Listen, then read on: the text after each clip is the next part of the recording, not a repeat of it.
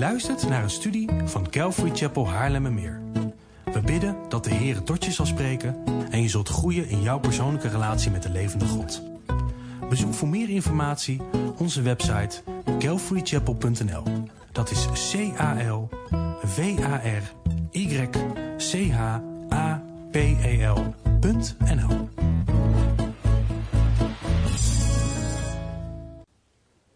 Pak je Bijbel er alsjeblieft bij, of je Bijbeldragende device. En sla en swipe open naar.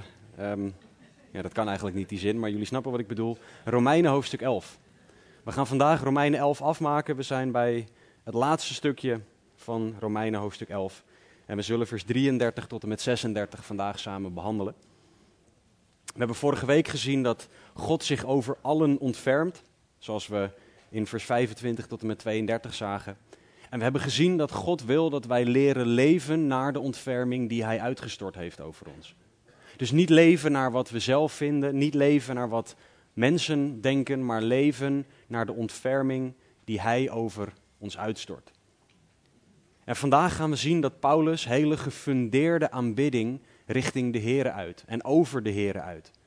Paulus die gaat de Here aanbidden en hij doet dat niet zomaar. Hij heeft niet woorden die hij zelf bedacht heeft, maar hij heeft een onderbouwde, gefundeerde reden om God te aanbidden. Nou, wat we gaan zien is dat Paulus gaat citeren uit het Oude Testament. En wij gaan een hele hoop leren over aanbidding door Paulus' voorbeeld heen. Maar laten we lezen wat er dan staat in Romeinen 11 vanaf vers 33. Paulus schrijft, O diepte van rijkdom, zowel van wijsheid als van kennis van God. Hoe ondoorgrondelijk zijn zijn oordelen en onnaspeurlijk zijn wegen. Want wie heeft de gedachten van de Heere gekend? Of wie is zijn raadsman geweest? Of wie heeft hem eerst iets gegeven en het zal hem vergolden worden? Want uit hem en door hem en tot hem zijn alle dingen. Hem zij de heerlijkheid tot in eeuwigheid. Amen. Laten we bidden. Heere God, dank u wel dat dit uw woord is. En dat u wil spreken door uw woord heen. En Heere, dat is ook mijn gebed voor vandaag. Dat u zal spreken tot onze harten. Dat u ons zal aanraken, zal bemoedigen, corrigeren, leiden, wat u dan ook wil doen. Door uw woord heen. Laat er niks van mijzelf bij zitten, alleen maar woorden van eeuwig leven. En Heere, spreekt u alstublieft zoals wij nodig hebben. Dat vragen we in Jezus' naam. Amen. We hebben tot nu toe in hoofdstuk 9 tot en met 11 heel veel theologie, heel veel leer gehoord van Paulus. Leer over Israël, leer over Gods trouw, onderwijs, ehm, ook over redding, waar Paulus in hoofdstuk 1 tot en met 8 mee bezig is geweest. En Paulus heeft laten zien dat alles wat hij gezegd heeft gebouwd is op het Oude Testament. Dat dat gebouwd is op wie God is, hoe God is, wat God doet en, wie, en, en hoe God zijn dingen doet in de levens van mensen. En Bijbelcommentator Warren Wiersbe heeft over dit stuk, wat we net gelezen hebben, gezegd: Na stilgestaan te hebben bij Gods geweldige reddingsplan voor Jood en Heiden, was het enige dat Paulus kon doen een hymne van aanbidding zingen. Zoals iemand ooit zei: theologie wordt doxologie. Einde citaat. En nu denk je, wat betekent dat? Nou, doxologie betekent een lofzang op Gods heerlijkheid. Dit stuk laat zien dat bijbelse theologie ons aanzet tot God bijbels aanbidden. Doxologie, de Here dus loven, zingen over Gods heerlijkheid, is in Paulus' voorbeeld hier gebaseerd op alles wat hij hiervoor gezegd heeft. Op een bijbels onderbouwd beeld van Israël, een bijbels onderbouwd beeld van redding, van de mens, van wie God is. En voor sommigen klinkt theologie af en toe saai en, en klinkt het als iets wat, ja, waarom zou je daar iets mee doen? Maar het is zo belangrijk. Want Paulus laat hier zien dat het zijn reden is voor gefundeerde aanbidding. Hij laat zien dat dit is wat hem aanzet tot lofprijzen. En Paulus kende God. Hij kende God steeds beter. En hoe meer hij God leerde kennen, hoe meer hij ook wist dat God het waard was om aanbeden te worden. Hoe beter hij God kende, hoe meer reden hij zag om God te eren. En hoe beter wij God leren kennen, hoe meer wij zullen gaan zien dat lofprijs en aanbidding van God een logisch gevolg is. Want hoe meer je Hem kent, hoe meer je gaat zien hoe geweldig Hij is. En Paulus die onderbouwt vanuit het Oude Testament zijn aanbidding. Hij heeft bijbels onderlegde, bijbels gefundeerde aanbidding van onze God. En hij begint in vers 33 met zeggen, o diepte van rijkdom, zowel van wijsheid als van kennis van God, hoe ondoorgrondelijk zijn zijn oordelen en onnaspeurlijk zijn wegen. Hij begint hier met de focus te leggen op de diepte van Gods wijsheid. De diepte van Gods kennis, van Gods oordelen en Gods wegen. En hij is net klaar met het uitleggen, daar hebben we vorige week naar gekeken, dat God niet klaar is met Israël. Hij heeft net uitgelegd dat God Israëls afwijzing gebruikt om heidenen te bereiken. En wat Paulus zegt is, geen mens had dit kunnen bedenken. Geen mens had de wijsheid of de kennis om dit zelf te bedenken. Diepte van rijkdom, hoe ondoorgrondelijk zijn zijn oordelen en onnaspeurlijk zijn wegen. Niemand had dit kunnen bedenken. Alleen God. En daarom is God al onze aanbidding waard. Omdat zijn wegen hoger zijn, zijn oordelen beter, zijn paden zijn geweldig. En dat is afhankelijk van zijn wijsheid en zijn kennis, die zoveel verder gaat dan wat wij kennen en weten. Nou, volgens de herziene statenvertaling is dit een ehm, verwijzing naar Psalm 36. Ik begrijp die niet. Ik heb hem opgezocht, onderzocht. Ik snap er helemaal niks van. Dus ik weet niet waarom die verwijzing er staat. Ook niet als je grondteksten en dingen erbij gaat halen. Het is niet, het is niet te onderbouwen. Dus ik zie het niet. Maar wat ik wel zie is dat Paulus Gods glorie aanwijst. En dat is belangrijker dan of de verwijzing van de, van de HSV klopt. Het belangrijkste is dat Paulus ons op Gods glorie wijst. Paulus wijst ons erop hoe geweldig groot God is. En hij wijst ons op het feit dat God zoveel hoger en beter is dan wij. Het woord rijkdom, dus ook diepte van rijkdom, dat rijkdom betekent iets bereiken of voorzien. En God is de God die dit voor ons deed. Hij heeft dingen voor ons bereikt. Hij heeft redding mogelijk gemaakt. Hij heeft voorzien in de mogelijkheid voor de mens om gered te worden. En hij heeft die mogelijkheid niet alleen bereikt en voorzien, maar hij biedt hem ook aan.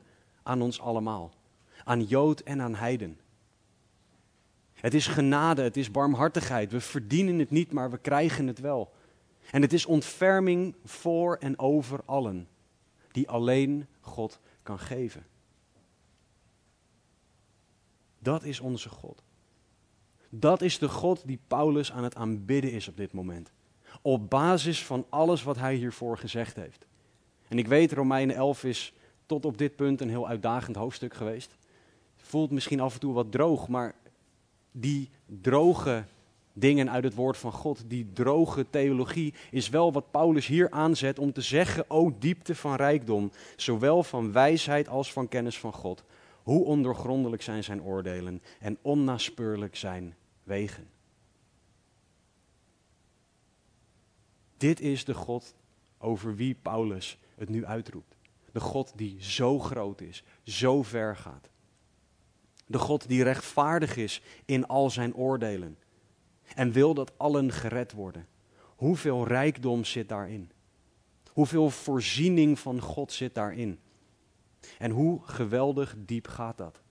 Dat God allen wil redden, zoals we gezien hebben. En het is een diepte van rijkdom, zowel van wijsheid als van kennis van God. Nou, wijsheid in de context van God wordt in het Nieuwe Testament vaker als een reden gebruikt om God te aanbidden. In Openbaring 7, vers 12 bijvoorbeeld wordt wijsheid als een reden gebruikt om God te loven. Zijn wijsheid gaat zoveel verder. En in een tijd waarin wij allemaal dingen denken te weten, want wij hebben Google, um, is God degene die alle wijsheid heeft. Is God degene die alle wijsheid heeft die wij nodig hebben voor elke situatie, altijd. Maar niet alleen wijsheid, hij heeft ook de kennis. Dat is de gnosis in het Grieks. Dat is kennis die zich uit in daden, als je dat woord opzoekt in de betekenis. En dit is God die de situatie kent, maar die de situatie ook gaat aanpakken. Want God had kunnen zeggen, en dan had hij gelijk gehad, jullie zijn zondaren. En je hebt een probleem. En daar had hij het bij kunnen laten, want dan had hij gelijk gehad. Maar hoe liefdevol was dat geweest als God alleen dat gedaan had? Onze God is zoveel groter. Hij biedt ook de oplossing. Hij wijst het probleem aan en geeft ons de oplossing. Jezus Christus. En alleen God heeft kennis die hij perfect kan omzetten in handelen. Op een perfecte manier. God weet dat wij zondaren zijn en daarom wist hij ook wat hij moest doen om dat op te lossen. En geen mens kan dat zeggen, dus vandaar dat Paulus uitbreekt in aanbidding van God. Omdat hij inziet en ons erop wijst in wat we net gelezen hebben in de weken hiervoor door Romeinen 11, dat dit onze God is. Paulus zegt dat Gods wegen ondoorgrondelijk en onnaspeurlijk zijn. Hoe ondoorgrondelijk zijn ook zijn oordelen en onnaspeurlijk zijn wegen. Nou, het woord ondoorgrondelijk heeft het idee van iets onderzoeken. En de omschrijving die erbij stond is een hond die zijn neus gebruikt om dingen te zoeken. Dus zelfs als wij het reukvermogen van een jachthond bijvoorbeeld zouden hebben, een goed getrainde jachthond, dan zouden wij nog steeds Gods wegen niet kunnen doorgronden. We zouden niet kunnen vinden waar Hij dingen precies heen leidt totdat Hij het laat zien. Zo bijzonder zijn Zijn wegen. En niemand kan dus Gods wegen doorgronden, zelf uitvogelen of bedenken. Hij heeft manieren en wegen die voor ons onbegrijpelijk zijn. En dat is een reden om God te aanbidden. En het onnaspeurlijke van Gods wegen, van Gods oordelen, is ook echt iets heel erg bijzonders. Bijbelcommentator Barnes heeft daar het volgende over gezegd. Letterlijk betekent dit: het kan niet getraceerd worden. Zijn voetstappen kunnen niet gevolgd worden. Het is alsof zijn pad in de zee was, zoals Psalm 77 ook leert. En de golven elk spoor uitwisten. Het kan niet gevolgd of uitgezocht worden. Het is een prachtig en treffend beeld. Het laat zien dat Gods plannen diep zijn en voorbij ons begrip. We kunnen het bewijs zien dat Hij overal is, maar hoe dat is, begrijpen wij niet. Einde citaat. Dat is onze God. Wij weten niet hoe hij dingen doet. We weten alleen dat hij dingen doet. En dat wat hij doet ongelooflijk goed is. Kijk maar naar wat we net gelezen hebben in Romeinen 11, in de weken hiervoor, over Gods plan van redding voor de mens. Hoe God wil dat mensen continu terug kunnen komen bij Hem. Hoe fantastisch is dat? Hoe groot en goed en geweldig is dat? Hoeveel meer bijzonder dan dat wij ooit zullen bidden of beseffen. En alleen dus al deze woorden geven ons zoveel reden om God gefundeerd, bijbels gefundeerd te aanbidden. De Bijbel geeft ons zoveel redenen, zoveel inzicht in wie God is. Om ons een continue reden te geven om de Heer te aanbidden. Als we verder gaan naar vers 34. Daar zegt Paulus, want wie heeft de gedachten van de Heer gekend of wie is zijn raadsman geweest? Nou, Paulus citeert hier Jesaja 40, vers 13 en Job 41. En wat hij hier laat zien, is dat de redenen voor aanbidding niet zelf bedacht zijn, maar dat God zelf de reden is. Jesaja 40, 13 zegt, wie heeft de geest van de Heer gepeild en wie heeft hem als zijn raadsman onderwezen? Wat Jesaja en daarmee Paulus willen zeggen, is dat Gods gedachten voor ons vele malen groter zijn dan dat wij ooit zullen bidden of beseffen. En dat wordt heel duidelijk door het hele woord heen. We kunnen zijn gedachten niet lezen. En we kunnen niet zeggen dat wij hem raad hebben gegeven. Dat wij met God in gesprek gaan en dat we zeggen: Ik weet dat u hier niet aan gedacht hebt, dus vandaar dat ik het even aan u meegeef. Alsof wij iets weten wat God niet weet.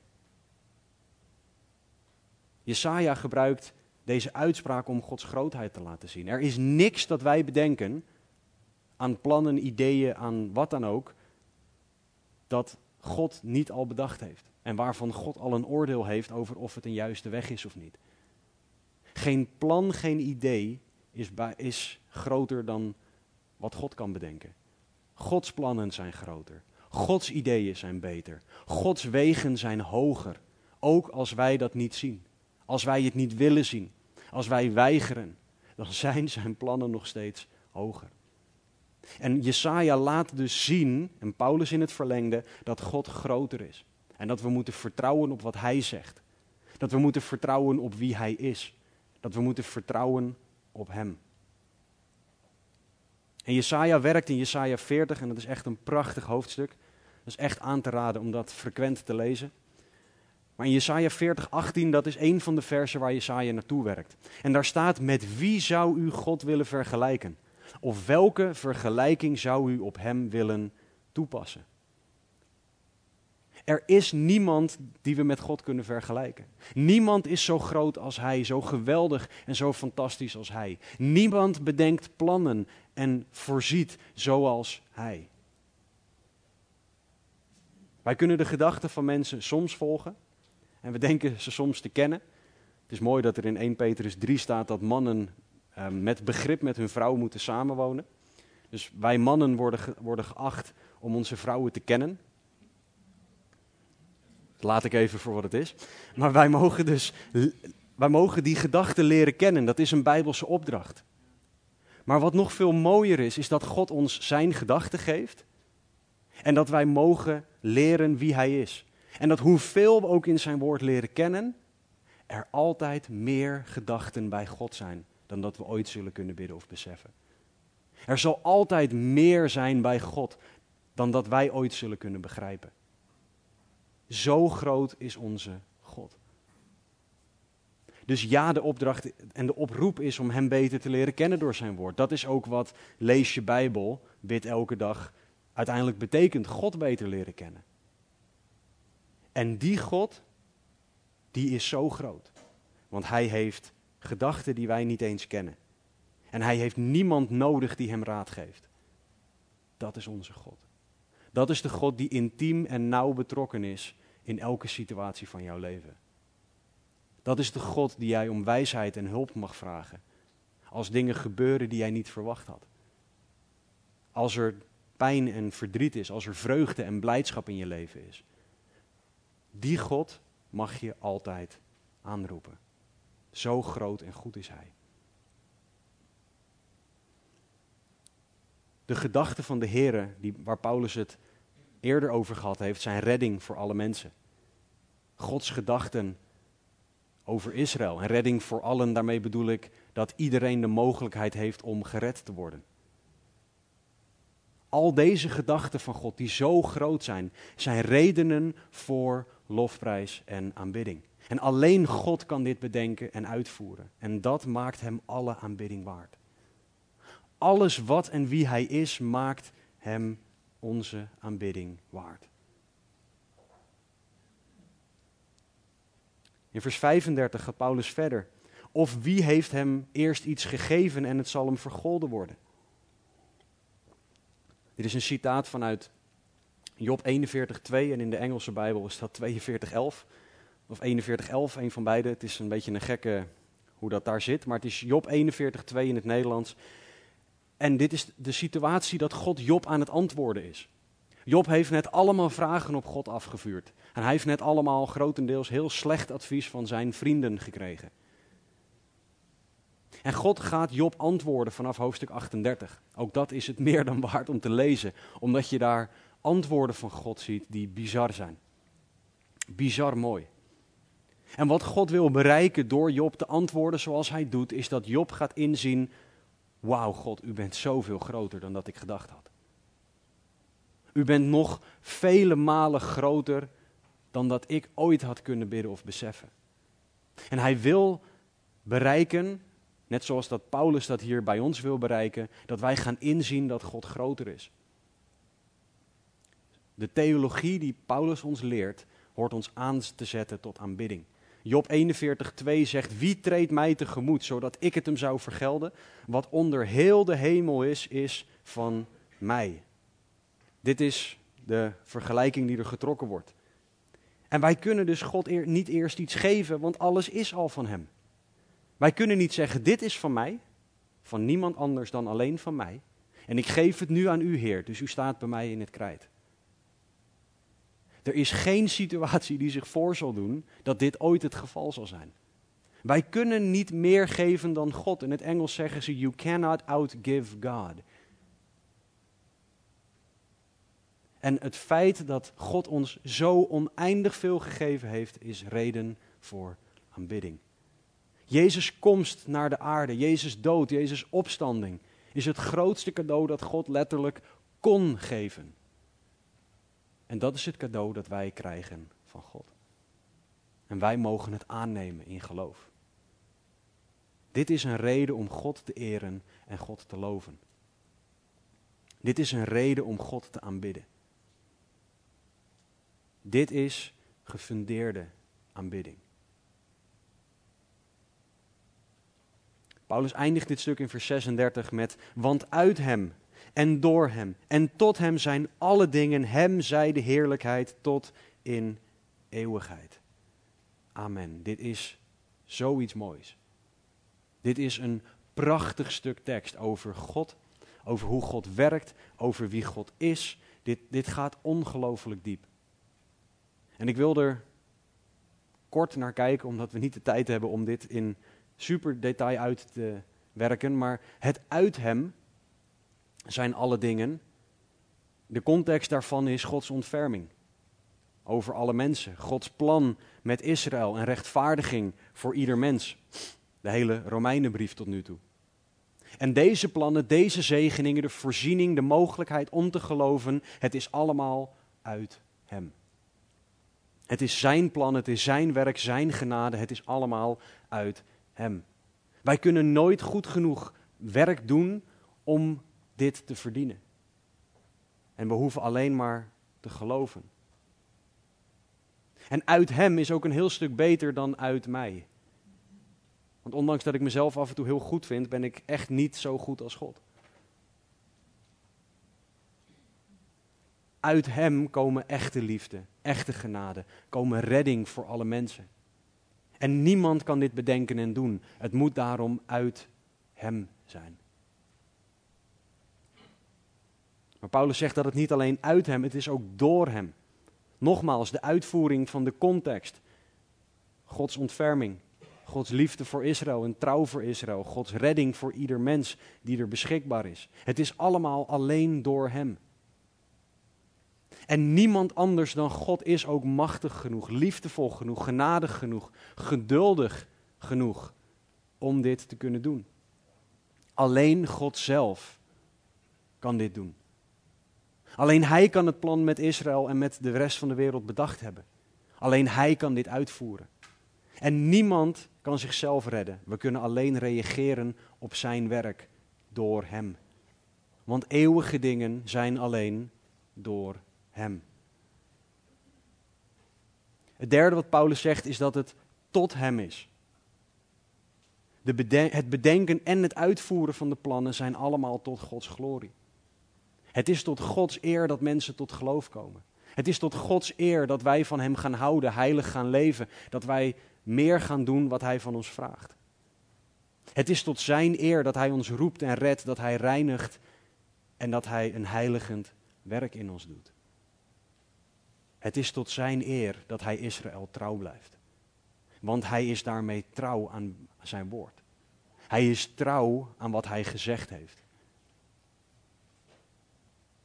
Jesaja 43 leert ook dat wij gemaakt zijn voor Gods eer, voor Gods glorie. Efeze 1 spreekt over de glorie van zijn genade. Dat is allemaal waar dit om gaat. Het is allemaal tot Hem. En ons perspectief in alles hoort ook te zijn dat we dingen doen tot Hem. Dat we alle dingen voor Hem doen. We horen in te gaan zien dat ons hele leven tot Zijn eer hoort te zijn, niet tot mijn eer. Niet tot wat ik fijn vind en tot wat ik, tot wat mij gelukkig maakt. Tot Hem. En de logische conclusie is waar Paulus dit stuk mee eindigt. In vers 36. Hem zij de heerlijkheid tot in eeuwigheid. Amen. Dat is hoe wij mogen leven. Hem zij de heerlijkheid tot in eeuwigheid. Amen. Wat de situatie ook is, waar je ook doorheen gaat. Hem zij de heerlijkheid tot in eeuwigheid. Amen. En waarom? Niet omdat ik me goed voel. Niet omdat ik heb wat ik wil hebben. Niet omdat ik door een verschrikkelijke situatie heen ga. Niet omdat ik pijn en verdriet heb.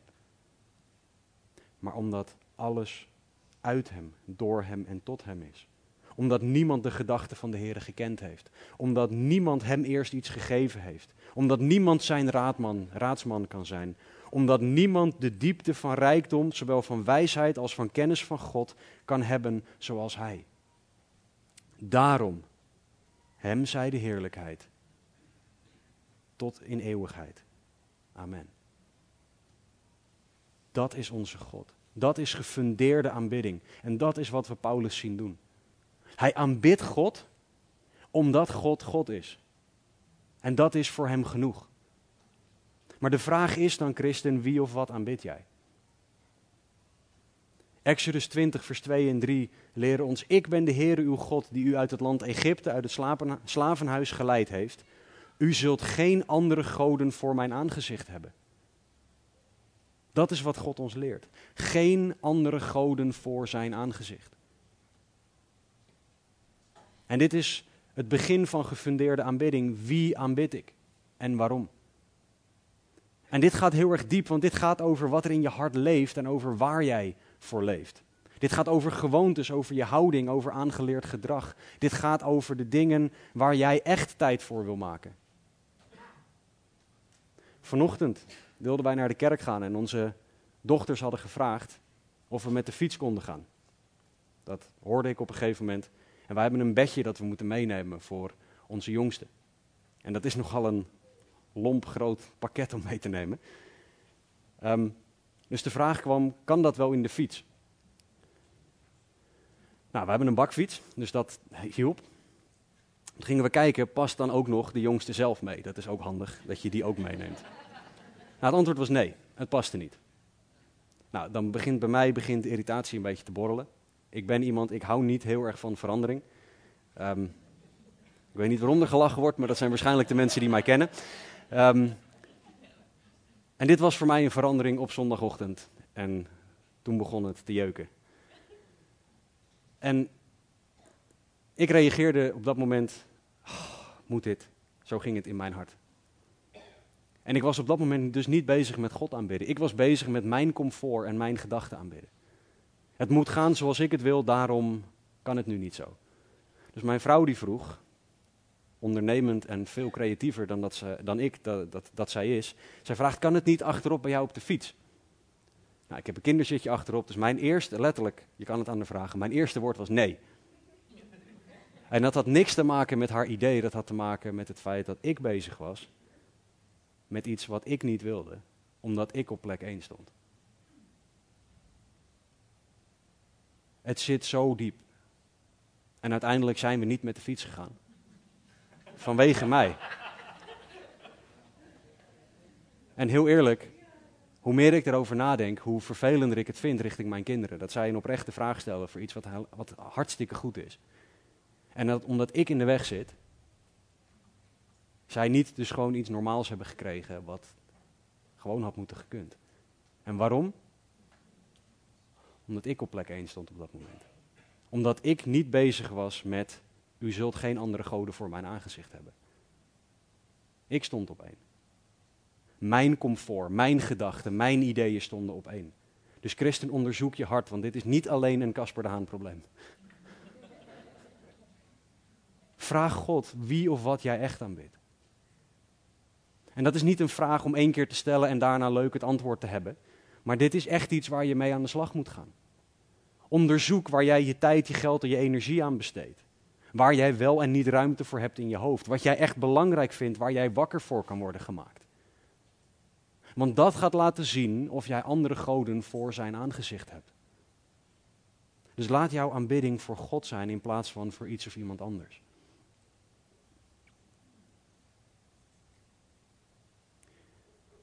Het volgende wat we mogen zien is dat gefundeerde aanbidding bijbels onderbouwd is. Paulus onderbouwt zijn aanbidding vanuit het Oude Testament. Hij bedenkt het niet zelf. En soms is het een letterlijk vers, zoals we ook nog Psalm 8 straks gaan zingen. Letterlijk de woorden uit de psalm. Maar het kunnen ook principes zijn die we leren uit de Bijbel waar we over de Heer aanbidden. En Jesaja 12, vers 4 en 5 zegt ons, op die dag zult u zeggen, dank de Heere. Roep zijn naam aan, maak zijn daden bekend onder de volken. Roep in herinnering dat zijn naam hoog verheven is. Zing psalmen voor de Heere, want hij heeft zeer grote dingen gedaan. Laat dit bekend worden over heel de aarde. Bijbels onderbouwd omdat God God is. Dat is wat de Heere gedaan heeft. En daarom aanbid ik Hem. Een reden voor aanbidding. We mogen elkaar en onszelf eraan herinneren wat Hij gedaan heeft. En dat ons laten aanzetten tot Hem loven en Hem prijzen. En dat betekent, christen, dat je in je Bijbel mag leren graven naar wie God is. En redenen mag vinden om Hem te aanbidden. God verdient alle lof en eer. En onderbouw dus jouw aanbidding op basis van Gods woord. Wie God is, wat Hij gedaan heeft. En geef Hem daarvoor de eer.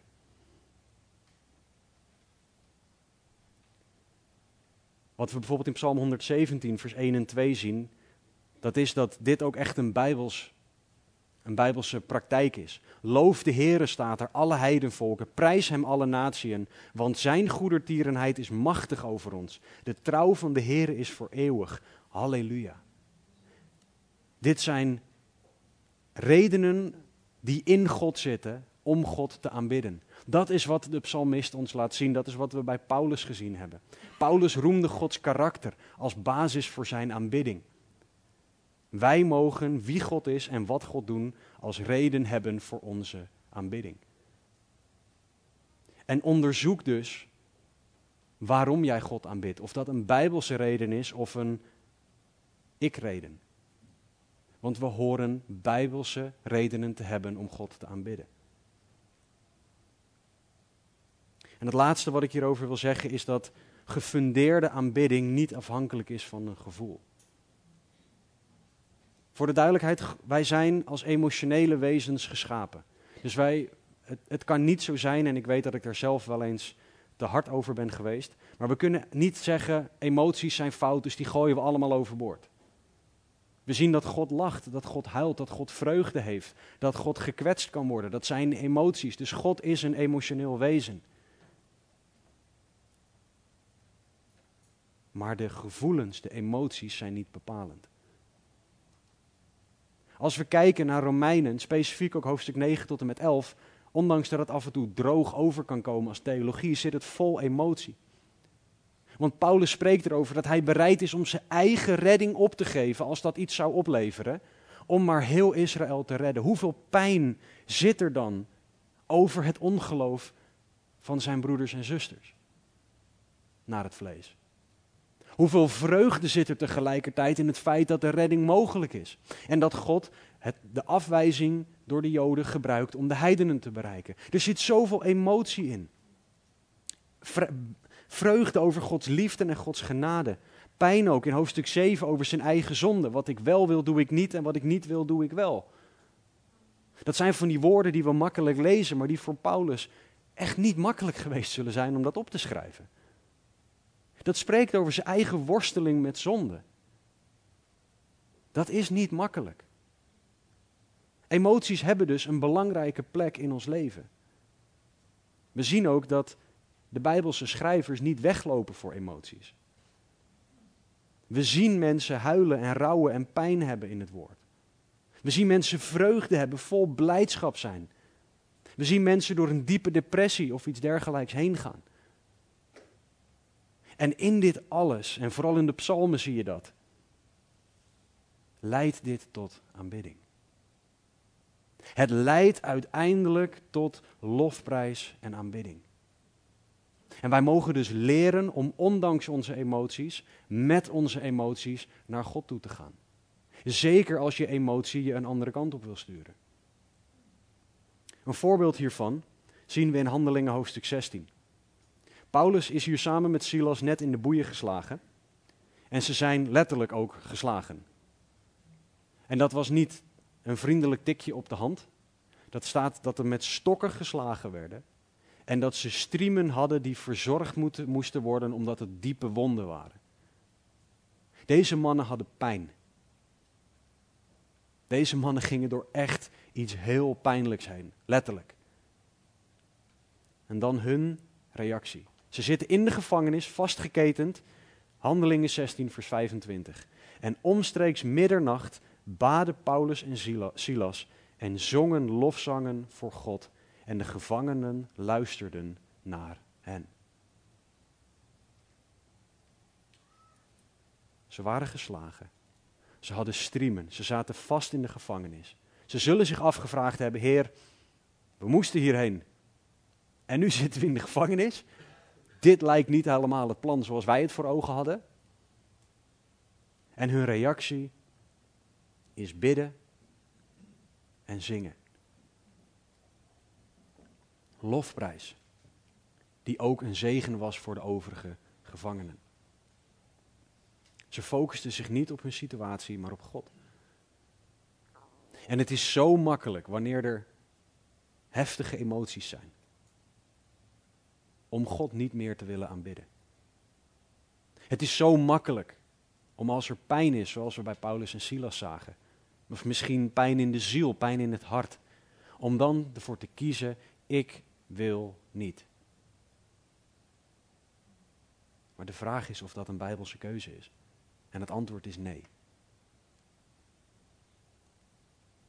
We mogen leren om juist ook in vreugde en in blijdschap niet te vergeten dat we die blijdschap en die vreugde van God hebben ontvangen. En dat daarom Hij alle aanbidding waard is. We moeten onze emoties naar God brengen. En ook de reden van de emoties naar God brengen. En onze omgang met de emoties naar God brengen. En dan God aanbidden. Ook als je het niet voelt. Als je het zelfs niet wil. Heer, ik wil niet. Maar ik aanbid u omdat ik weet dat het goed is. Soms moet je jezelf ertoe dwingen. Ook in de psalmen zie je dat de psalmist soms zijn ziel dwingt om de Heer te aanbidden. Dus welke emotie er ook door je hart en door je hoofd gaat, laat die emotie jou naar Jezus leiden. Niet weg van Jezus. Je mag in, met en door en ondanks elke emotie naar God. En je mag Hem leren eren, leren verhogen, ook als je emotie iets anders zegt. Christen, gefundeerde aanbidding hangt af van de vraag wie of wat aanbid jij. Gefundeerde aanbidding is bijbels onderbouwd en hangt daarmee dus af van wie God is.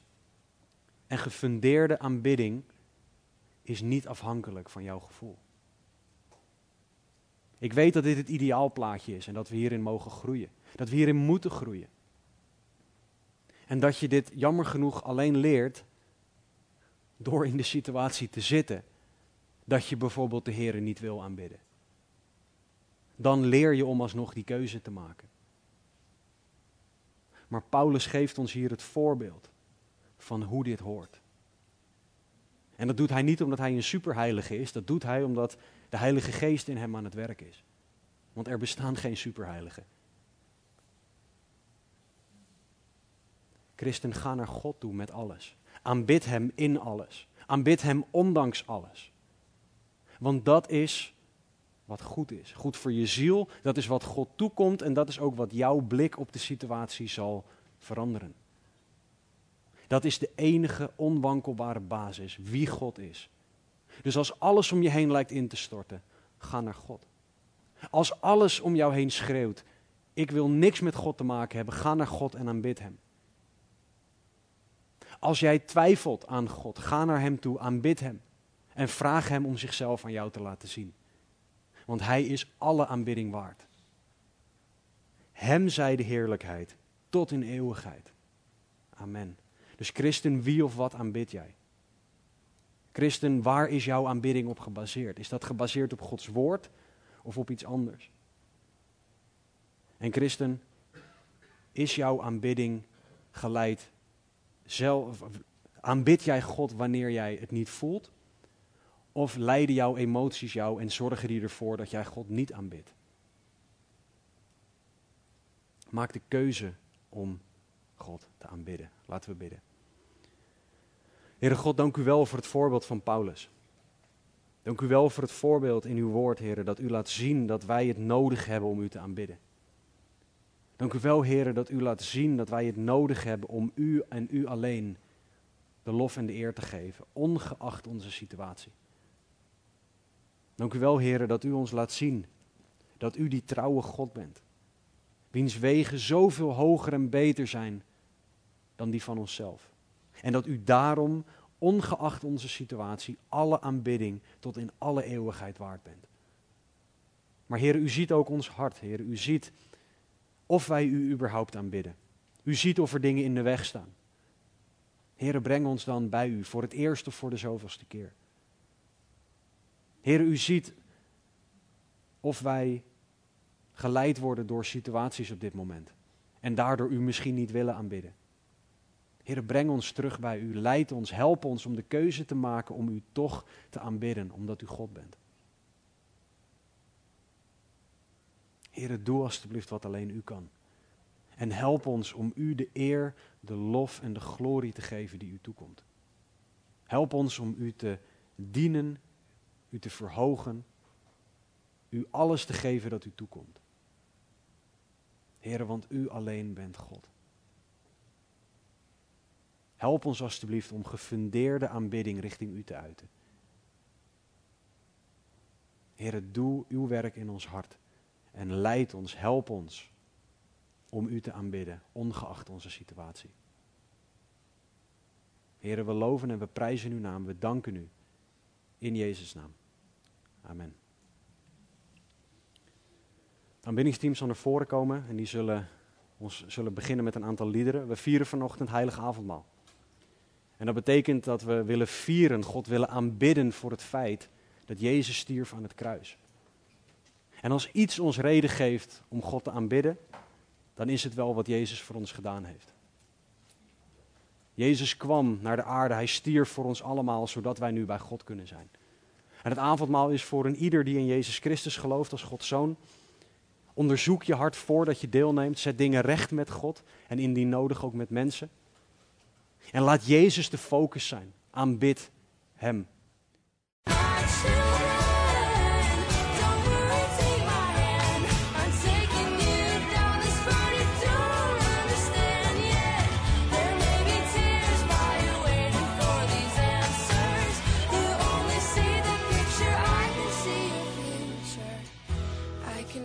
Right now, it's gonna be alright.